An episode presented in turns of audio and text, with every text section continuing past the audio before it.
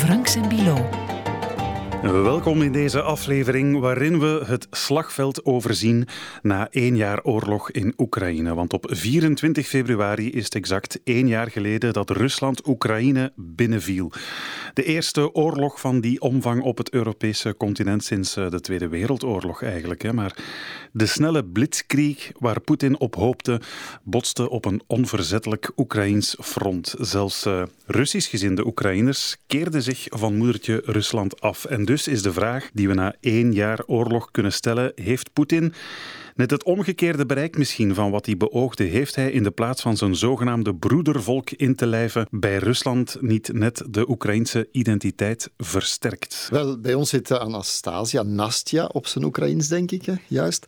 Die uh, mijn tolkgids, ja, mijn, mijn ogen en oren en mijn, mijn geest en mijn hart waren voor de zomer, toen we daar geweest zijn. Daar hebben we een een, reportage, een lange reportage gemaakt voor, voor de zaterdagprogramma. Mm En zij werkt nog steeds voor, nu voor de Washington Post. Ja. Dus uh, she's flying high. De Washington Post, na Rudy Franks toch het op één na betrouwbaarste medium uh, als het over conflict en oorlog gaat. Hè? ik vind het wel een step down naar Rudy Franks, hoor. ik moet eerlijk zeggen. Maar, uh, maar ja, Washington Post, ik ben daar ook mee begonnen toen, in mijn eerste dagen. Ik ben eerlijk gezegd met mijn gat in de boter gevallen. Daar is geen andere manier om dat te zeggen. Het is een heel tof team. Ja. En dan moeten zeggen, als, je moet dat ook wel toegeven, bij de Washington Post, het niveau van de hotels is iets beter dan dat van de... Mogelijk Allee, de, de, de supportlijn is iets minder, maar goed, het is wel avontuurlijker, zullen we dat maar zeggen, in zekere zin. Heel erg welkom, uh, Anastasia Galushka. Even naar de kern van deze podcast.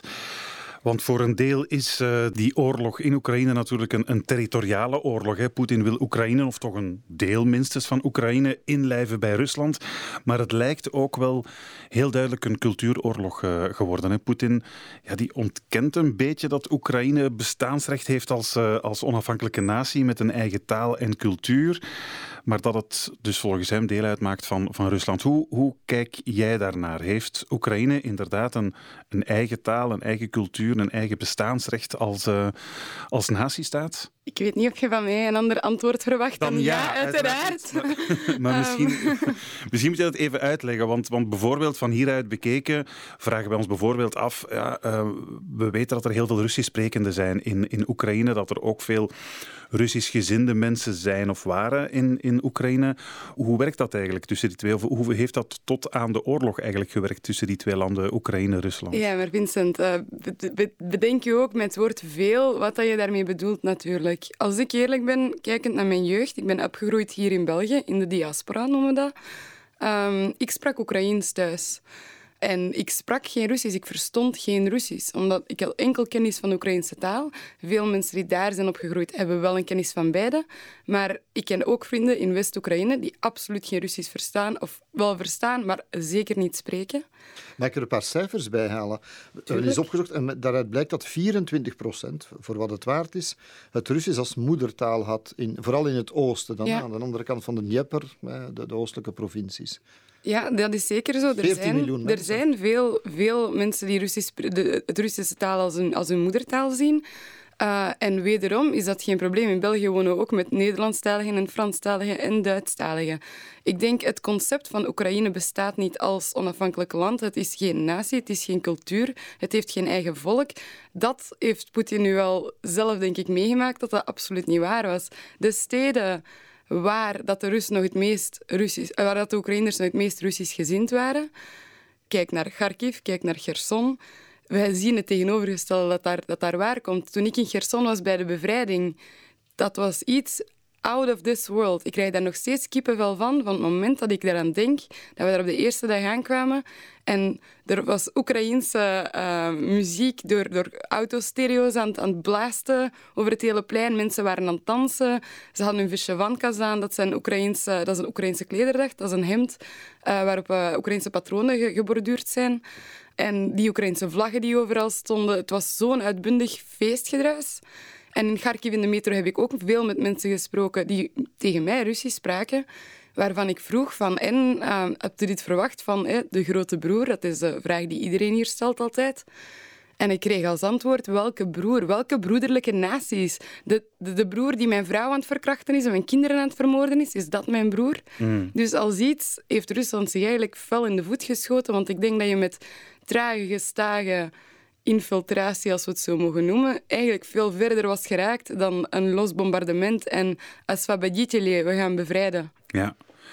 Uh, Poetin heeft zich in de, in de voet geschoten, want inderdaad, er zijn al een, een paar bevragingen over hoe, uh, ja, hoe Russisch gezind Oekraïners zich nog voelen en vooral hoe, uh, ja, hoe graag ze de taal, het, het Russisch, nog spreken. En dat is enorm aan het afkalven. Het Russisch is echt in verval, mogen we wel zeggen, in Oekraïne. Het is echt de taal van de vijand geworden. Hè? En eigenlijk is dat een beetje wederom ja, tragicomisch, omdat ik heb heel veel vrienden in mijn vriendengroep die Russisch sprekend waren.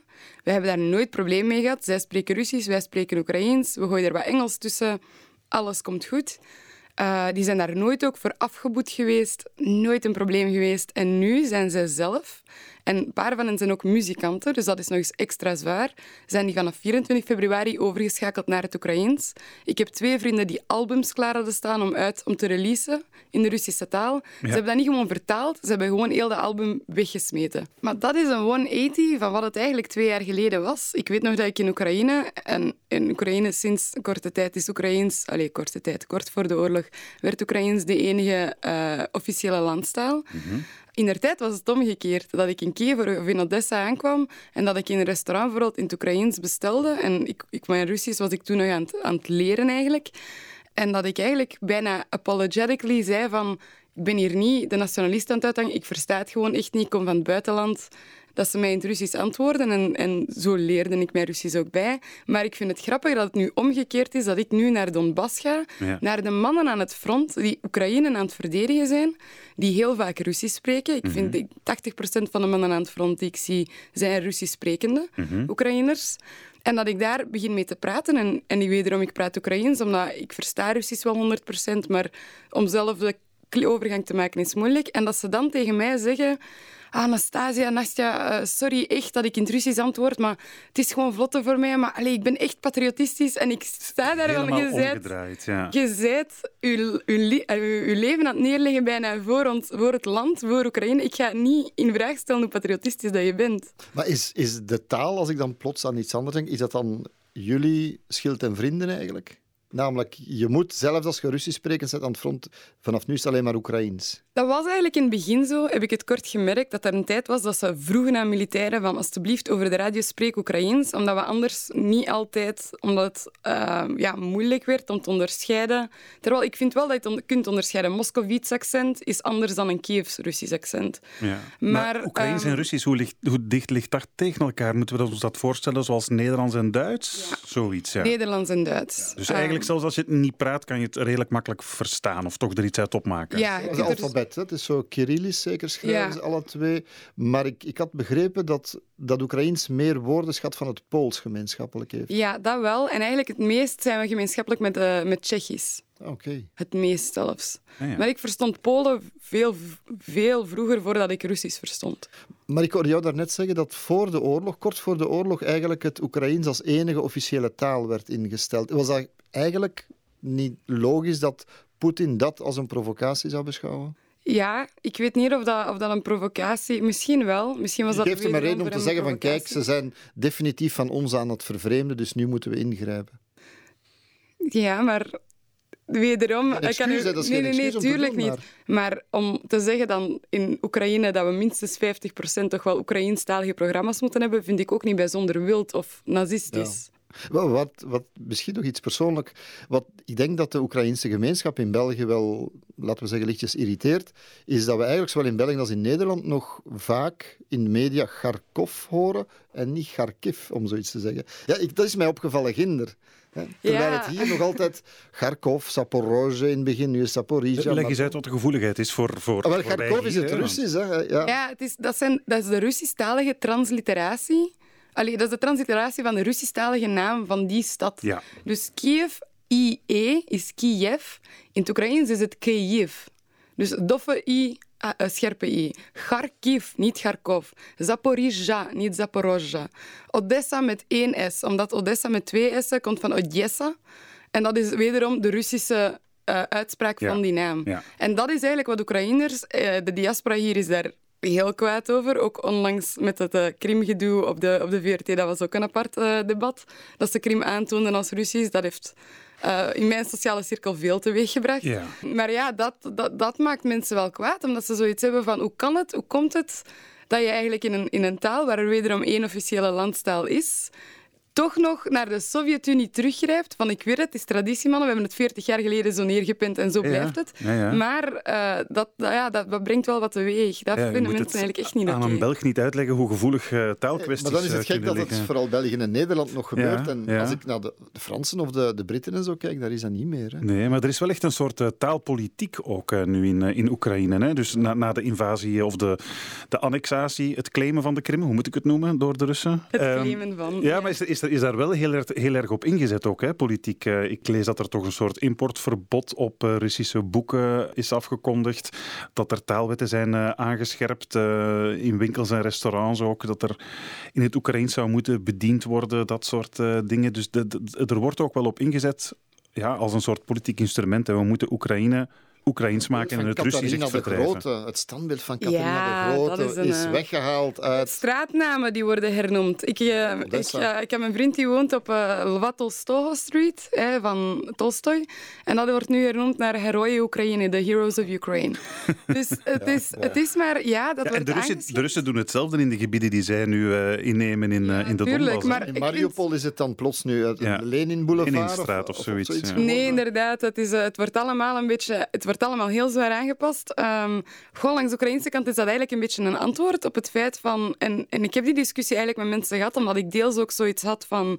We hebben een standbeeld in het centrum dat heet Druzhba Narodov, eh, Vriendschap van de Naties. En dat is dan ook eigenlijk verwijderd geweest. Dat was van de Sovjet-tijd. We hebben heel veel overblijfsel uit de Sovjet-tijd. En de discussie was van, moeten we nu eigenlijk echt die stukken geschiedenis van de straat halen? Is dat nu eigenlijk wel echt ja, gepast? Eh, is dat hoe dat we ermee omgaan? Is dat ook niet een beetje te extreem? Maar eigenlijk had mijn vader, die other day, had eigenlijk wel een heel goed weerwoord daarop. En hij zei daarop, ik zie geen standbeelden van Taras Shevchenko in Moskou staan. Ik zie geen standbeelden van onze grote schrijver en onze grote poëten en onze grote keizers, die daar ook op een bepaald moment zijn geweest, impact hebben gehad, zie ik daar ook niet staan. En wat, wat dat langs hun kant eigenlijk toen is gebeurd, dat was oppressie. Catharina de Grote heeft Oekraïne geen favors gedaan, absoluut niet. Eh, Rudy beschrijft dat ook eh, deels in zijn boek. En ik denk dat daar eh, de gevoeligheid zeker ligt. En langs de Oekraïnse kant, dat ze zoiets hebben van for once and for all, het is duidelijk, wij zijn een apart land dat recht heeft om te bestaan. En we moeten onze Oekraïnse taal ook echt wel koesteren. En het niet laten van de kaart vegen door popcultuur, door influences en ja, nu uiteraard door de oorlog. Ja, popcultuur zeg je, want bijvoorbeeld er zijn ook quota voor Oekraïnse liedjes op de radio. Hè? Verder Ja, ja, kennen wij hier ook natuurlijk, hè? daar niet Dat van. Hè? bekend, ja. Ja. En het is ook... Ik luisterde vroeger ook naar Oekraïnse artiesten die Russisch zongen, zelfs naar Russische artiesten. Uh, nu is dat heel onpopulair om dat toe te geven, uiteraard. Ja, ja. Maar al de, al de artiesten, Oekraïnse artiesten die ik volgde, die zijn van Russisch naar het Oekraïens overgeschakeld. Aan de ene kant klinkt dat allemaal zeer oppressief, van ja, we zijn de wetten aan het bijstellen en de straten aan het hernoemen. Maar aan de andere kant merk ik wederom in mijn sociaal, sociale cirkels wel dat eigenlijk... Ik heb nog steeds vrienden die die nog steeds Russisch spreken, die worden daar niet voor afgeboet, die worden daar niet voor met pek en veren voor beklad. Nee, maar het is een Ehm, manier om je eigen identiteit eigenlijk eh, op te eisen en te consolideren eigenlijk. Dat is wat, Ja. wat Oekraïne denk ik probeert In te doen. oorlog, Ja. uiteraard. Ja, ja, voilà, uiteraard. Wat interessant was, ik, ik heb Yushchenko gesproken Ja. toen in, in Oekraïne en die zat midden in een museum dat hem aan het uitbouwen was van Kozakken. Is dat dan de Oekraïnse identiteit, de Kozakkencultuur? Ik denk eerlijk gezegd Een soort dat van die Oekraïense- rebelse boerengemeenschappen die daar zo zaten Dat is toch, rond te strijden met, en, dat is te, met, te plunderen. met veel het zuipen zuiden? en borden op de grond slaan, toch? Of Nee, nee, dat nee, nee, verkeerd? nee, dat is zo... Ken het zo, die piek, de- hoe heet dat, een goeie dag? Zo'n piek met Ja. een, een bal met pieken aan en zo, dat je daarmee zo op je paard, Ja. dat is dat. Ehm, ik denk dat de Oekraïnse cultuur daar ver voorbij is geëvolueerd. Voor mij is de Oekraïnse identiteit waar ik ook verliefd op ben geworden, is eigenlijk die drang naar vrijheid, die drang naar liberale democratie, die drang naar come as you are. En En dat is hetgene waar Poetin net schrik voor heeft. Uiteraard, het vuile Westen met zijn, eh, ehm, wat was het daar, eh, homoseksuelen en weet ik veel wat allemaal. En, en dat, Verdorven Sodomie, dat was het Ja, ja, dat hij ja, gebruikte. Ehm, en dat blijft in zijn narratief terugkomen. Ehm, maar ik weet niet, ik denk... Ik, uiteraard, iedereen was daar zo van verbaasd. Hè, de wil van de Oekraïners in deze oorlog, dat, dat ze eigenlijk die oorlog aan het strijden zijn puur op basis van wil. maar, maar je kon niet anders. Het was een land dat eindelijk naar adem hapte van vrijheid. We gaan naar Europa, we gaan evolueren, we gaan beter worden. En dat dan eigenlijk nu terug onder water wordt getrokken door dan, hè, zogezegd, de grote broer. En een land dat nu ook corruptie echt begint aan te pakken, precies. Ja. Of is dat window dressing? Want wat we de laatste weken zien was Zelensky, zelfs diegene die, die oligarch die hem steunde. Ja, ja, Achmetov. Uh, dat Ja, is een dus allee, het is toch wel straf, nee? Ik wil niet zeggen dat we het maar beginnen aan te pakken. Ik heb het echt al gezien, de reformaties van in 2019, zelfs daarvoor, tijdens Poroshenko. Ik denk wat mensen, wat, wat moeilijk is om uit te leggen aan mensen, is ja, eh, er is corruptie in Oekraïne, daar gaan we geen doekjes om winnen, het is een feit. Ik heb het zelf met mijn eigen ogen zien evolueren van de politieagent die u twintig jaar geleden aan de kant kan trekken en u kan zeggen, oftewel ga je mee naar het politiekantoor, oftewel betaalde mij 10 euro hier en dan zijn we ermee klaar. Uh, dan hebben we de reformaties gezien van het politiekorps, uh, dat helemaal eigenlijk van met een schone lei is begonnen. We hebben gezien hoe dat ze uh, op juridisch vlak het gerechtelijke reformaties hebben geïmplementeerd. Zeg ik dat juist, reformaties? Ja, hervormingen. Ja, ja, ja, hervormingen hebben geïmplementeerd.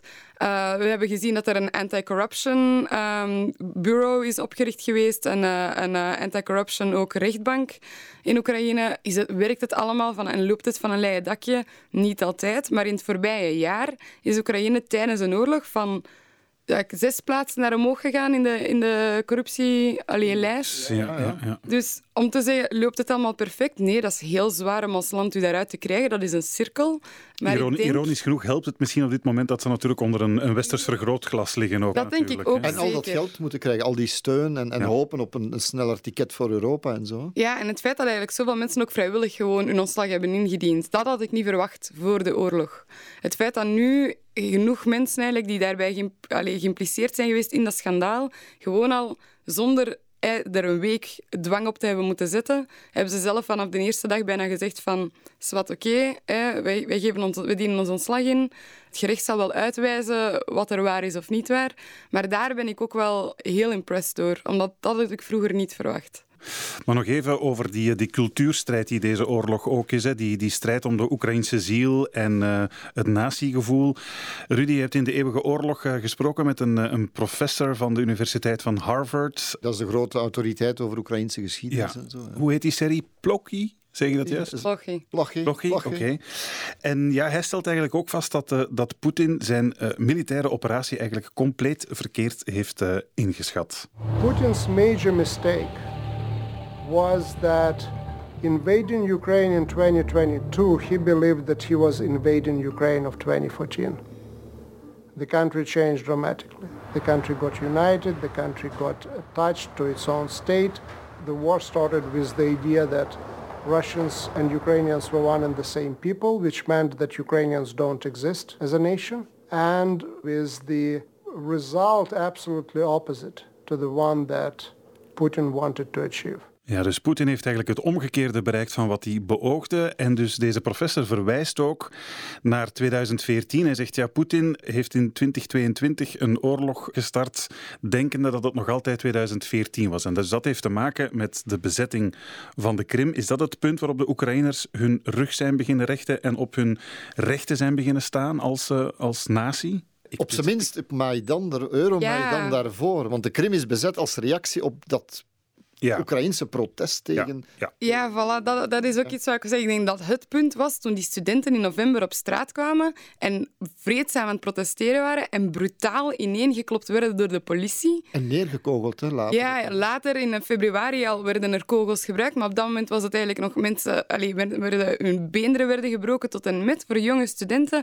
En dat is eigenlijk waar ik de spirit en de cultuur en de identiteit van Oekraïne echt in zie, is de jeugd. Zo, mijn generatie, die ik daar zie, man, die zijn goed bezig. Die hebben het echt... Die, die weten, die hebben principes, die weten waar ze naartoe willen gaan, die weten dat het niet ideaal is. En ik zie ze in raves, ik zie ze in bars, ik zie ze werken in coffeeshops, ik zie ze overal. Aan het front ook, denk ik. Aan het front ook, zeker. Maar ik heb het voor, voor, 20, Ja, eh, voor 24 februari, bedoel ik. Van, aan het, nu ook aan het front, massaal dat ze daar naartoe zijn getrokken. En eigenlijk, misschien ben ik deels daarom teruggegaan, dat ik zoiets had van ik wil niet buiten blijven wanneer, wanneer dat iedereen zoiets productief aan het doen is voor het land. En dat is ook die generatie die toen in der tijd eigenlijk op de Maidan heeft gestaan, die Mhm. samen is gekomen en rond hen heeft de hele natie zich gevormd, omdat ze op een bepaald moment zoiets hadden van ja, we hebben, we hebben allemaal die beelden van Maidan nog in ons hoofd. Hè. De brandende banden. Maar als gevolg heeft Poetin dan voor die vernedering, en hij is toen, zijn, zijn president is toen weggejaagd. Hè? Ja. Allee. Heeft hij dan de Krim veroverd? En als, als je nu de commentaar het voorbije jaar. Ja, de wereld legt zich er een beetje bij neer dat de Krim eigenlijk wel Russisch is. Want het was toch al vele honderden jaren Russisch. Ja, maar En dat is onaanvaardbaar voor, op een of andere manier. Je ziet het niet, beste podcastluisteraar, maar eh, Anastasia, haar ogen spuwen vuur op dit moment. nee, nee, maar dan, dan vind ik dat we heel veel mogen teruggaan in de geschiedenis. Hè. Ik bedoel, Ja, bij eh, elk conflict kan je, afhankelijk van ja. hoe ver je teruggaat, kan je wel iets. dan, kunnen we, dan kunnen we eigenlijk eeuwig teruggaan. Bestaan al deze grenzen niet en is alles hypothetisch. Maar en puur eigenlijk... rationeel als de Russen zeggen van ja, bon. Maar als Duitsland nu terugkomt en, en eh, dingen, eh, sorry, het oosten van België, Ja, oh de God, Oostkantons. de Oostkantons, de Oostkantons inpalmt en, en begint te bombarderen en te vernietigen, is dat dan ook gerechtvaardigd? Want eigenlijk was dat nooit, het was nooit België, hè? Maar we zitten allemaal samen in Europa nu. Hè? Ja. Met Duitsland samen. Maar het risico is, dat zegt men toch altijd in het scenario, wat de tsaar, Poetin, niet kan prijsgeven, is eigenlijk de Krim. Want dan toont hij zich zwak en een zwakke tsaar die wordt opzij geschoven. De vrees voor nu- nucleaire wapens, de vrees voor een escalatie is dan wel groot. Ja, die heb ik ook heel vaak gehoord. Ehm, ik weet het niet. Ik ben, ik ben, met nucleaire wapens heb ik dagen dat ik denk van het is een heel reële optie. En ik heb andere dagen dat ik denk van zelfs als we de Krim terugpakken gaat het niet gebeuren. Maar ik weet dat de Krim een heel gevoelig thema is. Ik kan daar ook niet... Ik kan daar geen meer concreter antwoord op Nee, geven. maar kan een president als Zelensky, kunt ge- is, is er, want we zijn tenslotte ook na een jaar oorlog, is er een oplossing? Ik bedoel, oké, Oekraïne heeft zijn identiteit, is aangeschrept, de hart en de ziel is kwijtgespeeld, Poetin van de Oekraïners, maar is hier nog een oplossing uit? We'll cross that bridge when we get there. Ik zie het op politiek vlak dat Zelensky momenteel niks anders kan zeggen dan wij gaan terug voor de grenzen van voor 2014. Dus wij gaan terug voor de Krim en het hele Donbass. Dat moet terug. Het is ook het principe waar dat Poetin het eigenlijk te ver heeft gepusht. Zo, 2014 is gebeurd. Het is eigenlijk tot een soort van ja, status quo. We laten het maar zo, Minsk en, en alles erop en eraan. We zullen het maar tijdelijk quasi aanvaarden. Toen dat hij in, op 24 februari echt voor de long haul is gegaan, denk ik dat er langs de Oekraïnse kant een beetje een beest is ontwakend als zij, maar zo niet, hè, maat. Van, wij hebben u een vinger gegeven en gepakt eigenlijk de hele arm en trekt ons onder water. Zo gaan we niet verder. En het besef langs de Oekraïnse kant ook is, als, zelfs als we teruggaan naar de grenzen van voor 24 februari, dus Donbass en Krim nog onder Russische occupatie, als we nu niet het standpunt maken van weg uit ons land, dan staan we over acht jaar of over vijf jaar terug op hetzelfde punt waar dat ze weer Kiev gaan proberen te inveden, waar dat ze weer... Dus het, het gaat nooit stoppen. Dit is een beetje de strijd om er echt een einde aan te brengen, om de tsaar te vernederen. En langs de Oekraïnse kant is er geen andere uitweg, want anders doen we dit voor generaties op generaties, spelen we deze spel weer voort. Maar Ehm, voor Poetin is er ook geen andere uit. Ja, ja. Is er onderhandelingsmarge uiteindelijk? Want nee, je schudt echt van niet. Nee, nu niet. Ik, werd daar, ik krijg heel vaak die vraag. Ik zeg niet dat het nooit gaat gebeuren, maar nu kan je dat niet maken. Ik denk dat Zelensky morgen zegt, eh, we gaan onderhandelen, dat hij eigenlijk de rit naar huis niet overleeft. Omdat de Oekraïners hem zelf... Ze zouden het niet pikken. Dat Ze zouden het niet pikken. Je kunt, het, is, het is zodanig een belediging toe naar, naar de natie, naar, naar alle slachtoffers die er gevallen zijn, om nu aan de onderhandelingstafel Mag te ik gaan er een zitten. paar cijfers gooien? Wat ik vandaag las, was dat er... Amerikaanse schattingen, hè, die altijd... Want ja, de officiële VN-cijfers, dat, dat zijn veel te laag. Dat is driedubbel geteld of zo en bewezen. Hè. Maar dat er 200.000 Russische soldaten intussen al waarschijnlijk zouden zijn gedood of gewond. En 130.000 aan Oekraïnse kant is, wat veel is. Hè. Ik bedoel, Rusland is veel groter, er zijn we veel meer. 130.000 soldaten en burgers gedood of gewond. Ik bedoel, als je zegt, we hebben veel geleden, maar als die cijfers nog gaan oplopen met een lenteoffensief... Maar we hebben gezien, ik ga je daar één tegenargument tegen geven. We hebben gezien wat er gebeurt onder occupatie.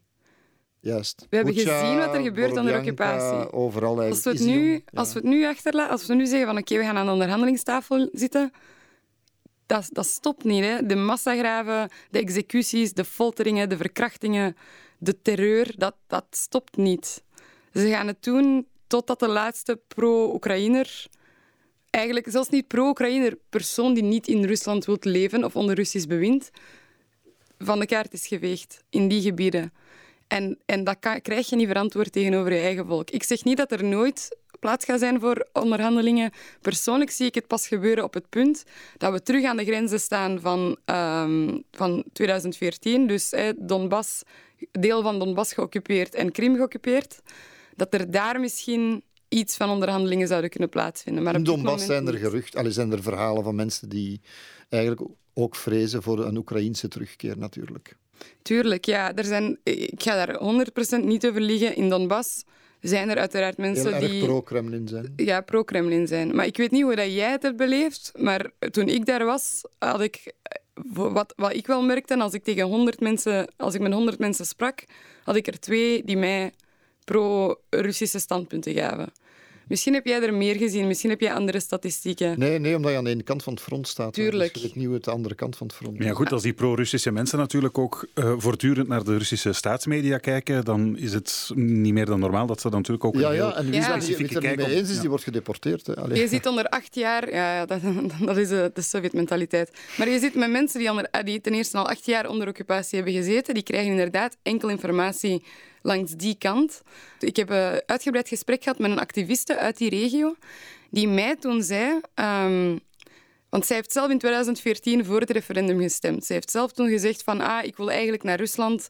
Uh, was, sprak Russisch, was helemaal pro-Russisch. heeft een tijd zelfs in Moskou gewoond na 2014. Omdat ze schrik had dat de, Russi dat de Oekraïense nationalisten terug zouden komen en haar van kant zouden maken. En dan op een bepaald moment is ze eigenlijk in de media gaan werken en is ze beginnen beginnen beseffen van... Maar ho, eigenlijk is daar helemaal niks van waar. Dat is pure propaganda. Ja. Op een bepaald moment vertrokken naar Kiev om daar te gaan werken en dan helemaal eigenlijk in zo'n diepe schaamte en afkeer van zichzelf gevallen. Ze begon enkel Oekraïens te praten. Ze is, sindsdien heeft ze, is ze heel patriotistische kant opgegaan. Maar toen de 24 februari aanbrak, uh, zat ze ook terug in Luhansk, in een regio aan de, aan de, aan de ja, checkpoints, eigenlijk, aan de grens. En heeft ze toen, uh, is ze terug onder occupatie terechtgekomen, is ze terug moeten gaan vluchten. En ze heeft toen in de tijd gezegd uh, dat er heel veel mensen eigenlijk in de geoccupeerde territoria in Donbass zijn overgebleven die heel pro-Oekraïns zijn, die heel veel activisten zijn. En dat de enige reden waarom ze daar blijven, is omdat ze willen dat er een constant reminder is voor de Oekraïnse regering dat wij hier ook zitten. Het zijn niet enkel de separatisten, het zijn niet enkel de mensen die het niet kan schelen. Wij zitten hier ook, vecht voor ons. Ja, ja, ja. En er zijn mensen die geweigerd hebben om te vertrekken, ondanks de bombardementen, ondanks alles. Nu, je bent militant pro, pro-Oekraïns. Maar wat ik de laatste weken toch ook was, was die rapporten van Human Rights Watch en zo, dat er ook wel Ja. folteringen gebeurd zijn aan de Oekraïnse kant, niet alleen aan de Russische kant. Dat is zeker zo. Dat heb ik ook zelf gezien op Telegram in het begin van de oorlog, toen dat er eh, ja, te pas en te onpas allerlei video's verschenen. Eh, dat is zeker zo. En ik vind ook, ik ben van de mening eigenlijk dat negatieve commentaar of negatieve kritiek op Oekraïne niet vermeden moet worden. Ik vind wel dat het gekaderd moet worden. Het is belangrijk, Oekraïne moet daaruit groeien. Wij moeten daar beter uit, uitkomen. Ehm, en zeker de fouten aanpakken binnen onze militaire structuur.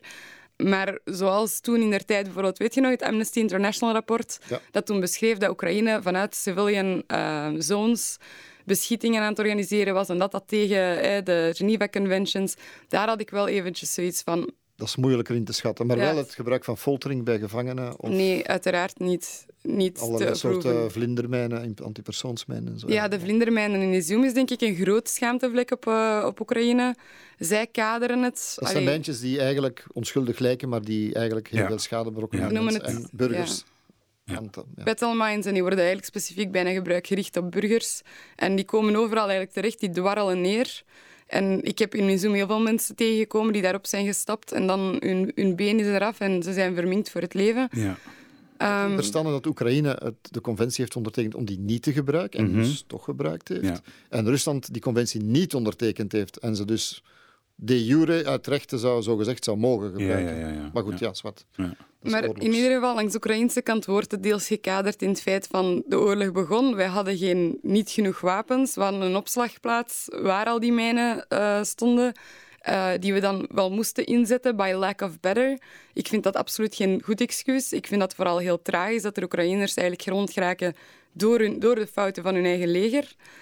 Ja, ik kan dat eigenlijk ik kan dat niet verdedigen, uiteraard. Maar het enige positieve zou je kunnen zeggen is dat deze kritiek misschien wel doordringt in Oekraïne en iets mee gebeurt, terwijl de kritiek over Rusland niet doordringt in Rusland. Nee, dat denk ik inderdaad zeker. Ik denk langs de Oekraïnse kant, ze willen het ook vermijden, hè, om constant die, die schandevlekken... We zijn een jaar verder, de, de 100% steun voor Oekraïne is wat aan het zakken. Oekraïne is zich daar ook van bewust. En die schandvlekken zo, van de corruptie en die vlindermijnen, en die, dat, dat kunnen ze zich zeker niet veroorloven, dus ze moeten wel het wilt Europees aanvaard worden. Dat is misschien nog een laatste dimensie, een laatste dimensie die we nog even willen aanraken. Hoe zit het met uh, de band met het Westen? Je hebt het erover gehad met de burgemeester van Kiev, Klitschko. Laten we eens uh, even luisteren naar uh, het gesprek dat Rudy met hem had. Right now we understand better than any time what it mean to be independent.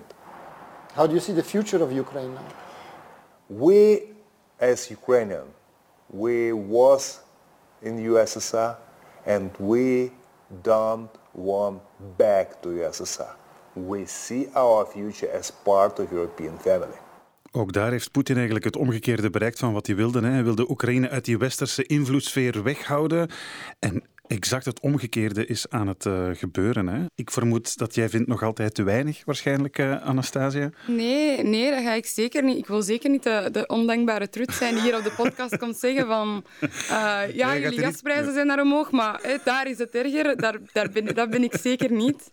Op vlak van hoe dat we de steun achter ons hebben gehouden voor een jaar, denk ik dat de perfecte president voor het moment was effectief Zelensky.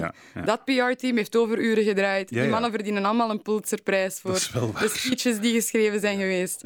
Um, hoe je het ook draait of keert, hij heeft heel goed begrepen dat um, de, de sociale, het inspelen op, op op het sociale, culturele sfeer van andere landen, dat dat enorm belangrijk zou zijn voor de steun. En de steun van het volk van andere landen bijna belangrijker was dan puur enkel de politici. Mhm. Maar ja, je weet er geen doekjes om. Amerika is, is het grootste leger in de wereld, dus uiteraard gaat daar de meeste steun uit komen. En ik denk, we hebben daar met Rudy ooit eens over gehad, van ja, maar als Amerika de kraan toedraait, dan is het ook wel effectief gedaan. Ja. En dat is een gevaar dat ook altijd wel speelt. Daar, daar, daar heb ik schrik voor, hoor. Kan het nog keren? Ik denk dat... Is het definitief pro-Europa? Is het definitief Poetin weg? Het is definitief. Na deze oorlog van 2014 of in 2019 zelfs zou ik misschien nog hebben gezegd ah, het kan nog dat de helft van het land die kant op gaat en de helft de andere kant. Nu niet meer. Laatste vraagje, Anastasia. Ga jij het nog meemaken dat uh, Oekraïne deel uitmaakt van de Europese Unie? Dat je met jouw Belgisch paspoort Schengen door Stel u voor. Kiev kunt reizen. Goh, man. Ik, ik, denk dat ik Rudy zijn glazen bol nodig heb. Ik, uh, ik hoop het. Maar als ik kijk naar andere landen die al lang EU-kandidaat zijn en die op de wachtlijst staan, dan heb ik er niet veel hoop voor. Misschien dat ik leef tot een honderd en, het, uh, en, en dan hopelijk kan zeggen en kan vieren. Maar ja, ik durf het niet te zeggen, eerlijk gezegd. Allee, afspraak over een jaar of uh, eh, 75 zeker? Ja, voilà. voilà, voilà. Voor we afscheid nemen van uh, Anastasia Galushka, is er uh, nog iemand die we, die we moeten uitwijven eigenlijk, hè, Rudy? Ah, iemand die de voorbije vijf jaar toch wel een, uh, een groot aandeel heeft gehad in deze podcast. En dan heb ik het over eindredacteur Vincent Merks. Ik zie hem nu al een beetje blozen. Heeft al die jaren onze, onze research eigenlijk gecheckt, gedubbelcheckt, getrippelcheckt als het nodig was. De man die er altijd voor zorgde dat we onze feiten op een rijtje hadden, Vincent Merks. Zo goed eigenlijk als feitenchecker, Rudy, dat we moeten afgeven aan de factcheckredactie van VRT Nieuws zo goed is hij. Ja, is het echt? Ja. ja. die hadden wel een steuntje nodig. Hè? Maar ik heb gehoord dat ik hem hier een heel groot plezier mee kan doen. We gaan, uh, zijn hemd gaat uit. We gaan, we gaan hier stoppen.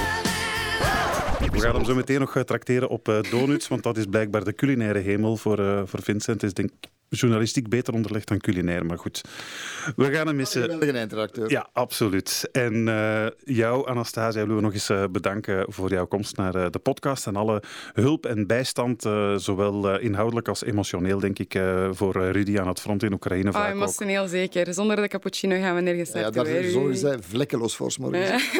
voilà. Heel erg bedankt. En tot de volgende keer. Oké, okay, ja, zeker. Onze podcastluisteraar betekent dat over een week of twee. Ja, ciao, ciao. ciao. Franks en Bilo.